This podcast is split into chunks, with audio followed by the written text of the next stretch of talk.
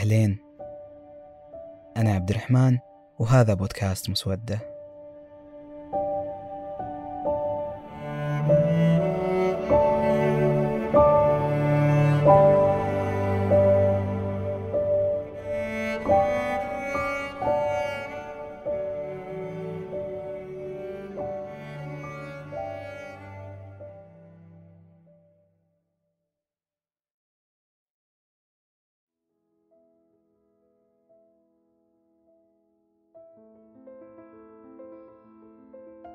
قريت قبل فترة أن نسبة الطلاق عندنا 40% في أول سنة من الزواج. طبيعي أول ما نسمع نسبة عالية زي كذا نسأل نفس السؤال. ليش؟ النسبة هذه إن دلت على شيء فهي تدل على أن في خلل في هالعلاقة. في نفس الخبر اللي قريت فيه هذه الإحصاءات ذكروا عدة أسباب. من تدخل الأهل في بداية العلاقة الزوجية وعدم اعتماد الأزواج على نفسهم أو ضعف حسهم بالمسؤولية إلى عدم تكافؤ الحالة الاجتماعية والاقتصادية. وهالأسباب حسيتها منطقية ومتوقعة. إلى أن قريت الأسباب اللي خلت هالنسبة اللي كانت 40% قبل سنوات ترقى إلى 60 آخر سنة. سهر الزوج كثرة خروج الزوجة أو انشغالها بالجوال. هالخبر خلاني أفكر في كم تساؤل. أتفهم كيف في خلافات في أي علاقة بس شو اللي يخلي أسباب تافهة زي كذا توصل الطرفين إلى إنهاء زواجهم؟ وليش أصلا أسباب زي كذا كانت هي الحد الأعلى للقدرة على التحمل؟ ولا يمكن كما قال العرب شعرة وقصمت ظهر البعير. العلاقات من العلاقات. ليش تبغى تتزوج؟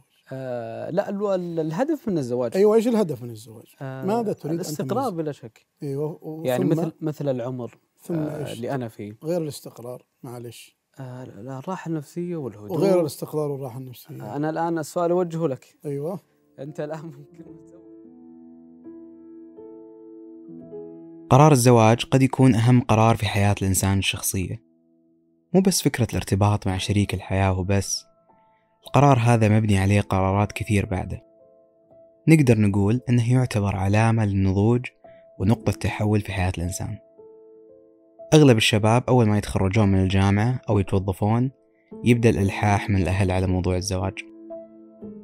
وتختلف الآراء في معايير اختيار وقت الزواج المناسب باختلاف العادات والتقاليد والحاجة الاجتماعية والمادية. هل بتكون مستعد للزواج في مرحلة الجامعة؟ أو أول ما تتوظف مثلا أو إذا وصلت سن الثلاثين حرفيا هي صراع بين نارين إنك تكون جاهز تماما لفكرة الزواج ومستقل وواعي بمعطياته ومسؤولية هذه العلاقة وبنفس الوقت سنين العمر تمر ويزيد معها ضغط عائلتك لأن الزواج هو الوسام الأهم للاستقرار والحياة الطيبة بنظرهم هل هذه المعايير هي المطلوبة بس؟ أو المعايير المفروض تكون أبعد وأعقد من كذا؟ الزواج في مجتمعنا تقليدي يعني مدبر بشكل كامل من الأهل للطرفين. أي حاجة ما نعرف عنها شيء طبيعي بنخاف منها. ومخيفة نوعا ما فكرة أنك بترتبط بإنسان ما تعرف عنه أي شيء.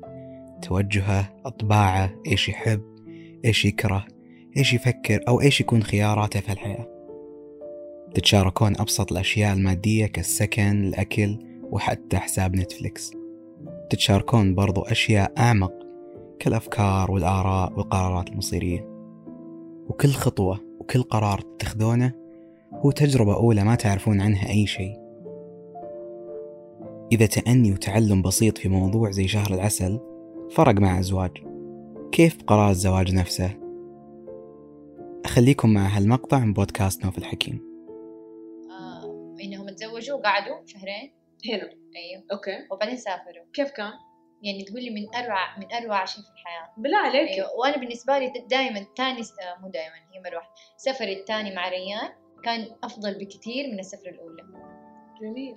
كان من جد يعني من جد من يعني كنت مرة أمون عليه ويمون علي وفاهمين بعض خلاص عارف هو حينام في اليمين حينام في اليسار اتفقنا على المكيف بارد ولا حار اتفقنا على ال... لما تدخل الحمام تتعامل معاه بالطريقة هذه بدأ شوية يظهر من حقيقتنا. اللي نقدر نتعامل معاها مو نكون خلاص طيب وأنا جوتي قبل ما أنام أقول يا الله أنا أحس هذه أسوأ يعني أسوأ شعور تشعري فيه إنك أنت تكوني مع شخص ما انت حقيقية معاه.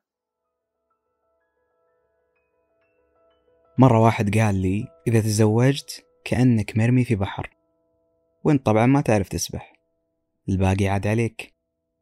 مو الأحسن إنك تتعلم قبل وتكون جاهز من جميع النواحي مو بس ماديا الزواج عقد مقدس وعلاقة لما تبقى من حياتك.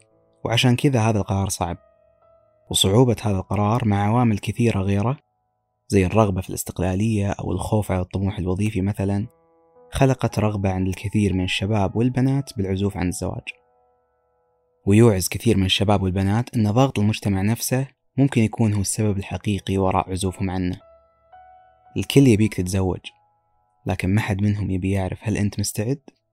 ولا لا؟ بعتقد واحدة من التحديات المهمة اللي بتكون موجودة عند آه، أغلب الشباب آه، هو فكرة آه، مش ما بدي أتزوج بس هو فكرة ممكن تأجل الموضوع لحد ما أحقق طموح معين أو لحد ما أحقق هدف معين.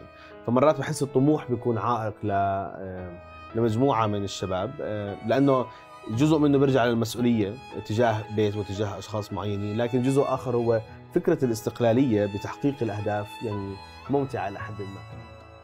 نعيش مرحلة نضوج جيل جديد بأفكار جديدة وتوجهات مختلفة. جيلنا مشكلته أنه يعاني من الجيل السابق في أنه لازم نمشي على طريقته بالضبط ونتعلم أن تجربته هي الطريقة المثلى مع أنه ممكن أنها خلقت عيوب كثيرة قابلة للإصلاح زي ما في كل شيء غير الزواج.